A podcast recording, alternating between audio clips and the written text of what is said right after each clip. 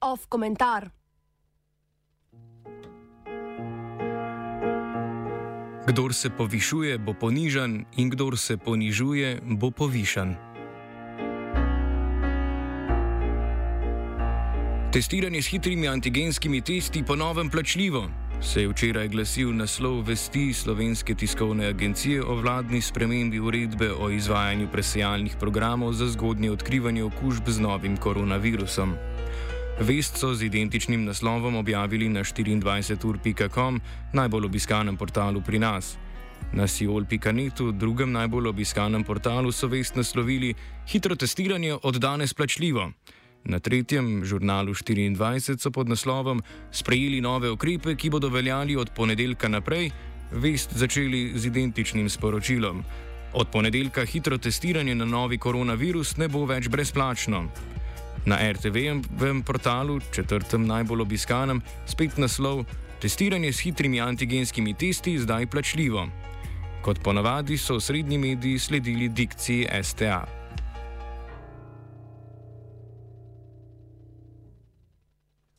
Vsebina vesti: Vlada je v petek spremenila uredbo tako, da stroški plačevanja testov v dejavnostih, v katerih je testiranje obvezno, ne bodo na delodajalcih, ampak jih bo še naprej krila država. Sicer pa je testiranje, tako so pisali, z določenimi izjemami od včeraj plačljivo.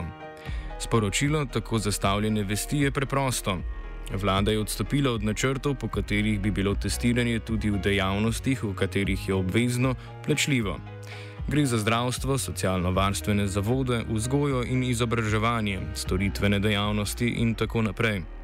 Brez teh sprememb nove uredbe o presejalnih programih, ki jo je vlada izdala 19. julija in je začela veljati včeraj, bi namreč tisti, ki niso cepljeni ali preboleli, a se morajo za upravljanje dejavnosti testirati, teste morali plačevati sami ali pa bi jih morali plačati njihovi delodajalci.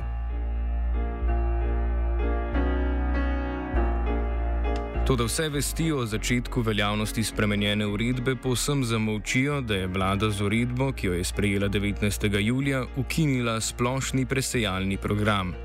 Presejalni zato, ker okužbe išče z množičnim testiranjem nesimptomatičnih posameznikov, med katerimi ne bo odkril vseh okuženih, vsaj nekaj pa. Po stari uredbi sta namreč obstajala dva programa: splošni in posebni presejalni program. Po novem pa uredba te delitve ne pozna več in govori zgolj o presejalnih programih. To, kar po novem velja za presejalni program brez nadaljnih določil, je bil po stari uredbi zgolj poseben presejalni program.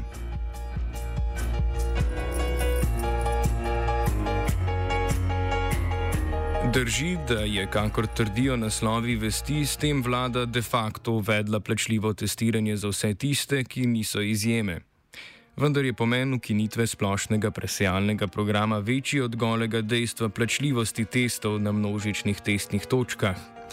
To, da je vlada očitno popustila pod pritiski predstavnikov delodajalcev in predstavnikov delavcev, pri čemer so se drugi verjetno bali, da bi strošek testiranja delodajalci protipravno začeli prenašati na delavce, je le umestni zaplet na daljši poti, ki jo je ubrala vlada.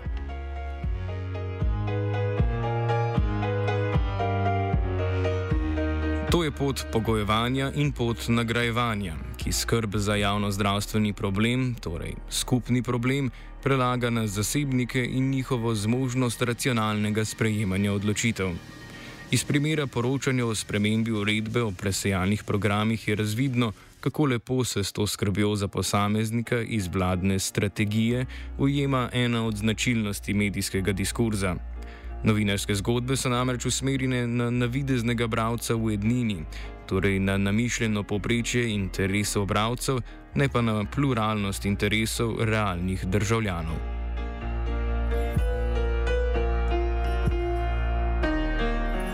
Če predpostavimo, da je presejalni program eden elementov reševanja skupnega problema, potem bi morala država ta skupen problem reševati tudi s splošnim presejalnim programom, do katerega imajo vsi enak dostop.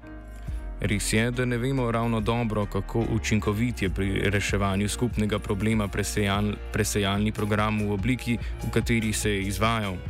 Vendar lahko z veliko verjetnostjo sklepamo, da bo veljalo naslednje. Tem bolj, kot bo omejen in toliko manj, kot bo splošen, toliko manj bo tudi učinkovit. Namen je namreč v splošni populaciji odkriti čim več okužb pri tistih, ki drugače ne bi imeli nobenega razloga za testiranje, saj nimajo simptomov. Ni pa namen programa odkriti okužbe le ponekod in le pri določenih ljudeh. Prav tako v okvir presejalnega programa ne spada testiranje tistih, ki simptome že imajo, zato lahko do brezplačnega testa dostopajo pri osebnem zdravniku.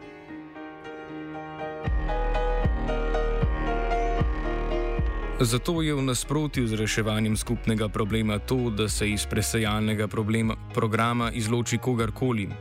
Če pogledamo dikcijo uredbe, ki ne velja več, v njej ni obstajala ločnica med cepljenimi in prebolelimi na eni strani ter necepljenimi in neprebolelimi na drugi. Presejalni program je bil namenjen vsem. Če tudi obstaja pri cepljenih manjša možnost za okužbo, ta še zmeraj obstaja. Po novi uredbi pa je presejalni program namenjen izključno necepljenim in neprebolelim. Čemu? Odgovor je z retoričnim vprašanjem podal premijer, še preden je ločnico v uredbo vlada sploh uvedla. Ali v času, ko imamo na voljo brezplačno cepljenje, lahko zahtevamo od tistih, ki so cepljeni, da plačujejo teste za tiste, ki se ne odločijo za cepljenje?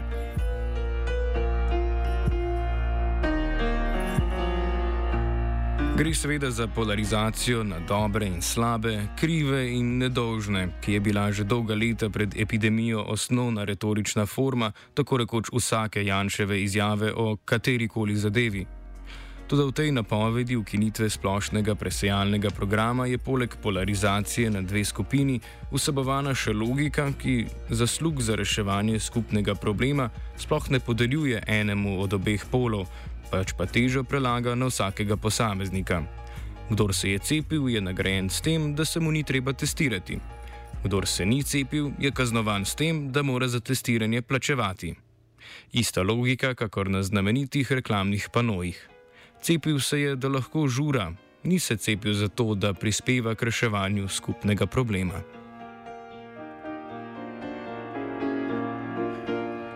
Še bolj je to logiko razčlenil Marijo Fafangel. V tem trenutku je skoraj nujno, da imajo cepljeni določene ugodnosti. Če bomo spet vsi zaprti, kaj je sploh smisel in motivacija za cepljenje? Res nima smisla, da gremo še enkrat vsi skupaj čez celo leto pandemije, kjer morajo vsi spoštovati iste ukrepe. To je sicer res zelo nediskriminatorno, je pa, kar se tiče cepljenih, popolnoma neracionalno z vidika tveganja in z vidika obvladovanja epidemije.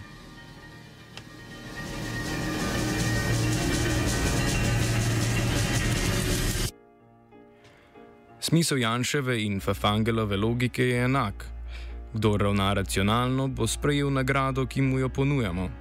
Kdor tako ne ravna in je s tem neracionalen, pa bo kaznovan.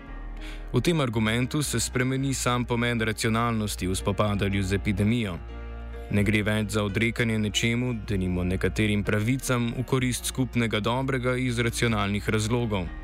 To je organicistična logika reševanja skupnega problema, od katere se vedno bolj oddaljujemo. Sedaj gre za posameznika, ki naj bi racionalno presodil, kaj bo zanj največja korist.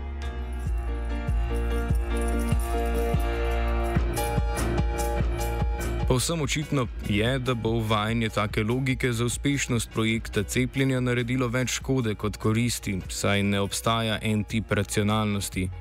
Dvomiti o projektu cepljenja je med drugim lahko tudi racionalno.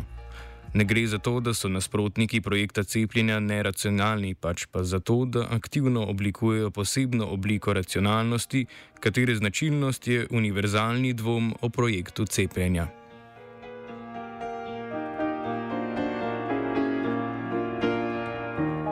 Ali smo se razumeli, se sprašuje Martin.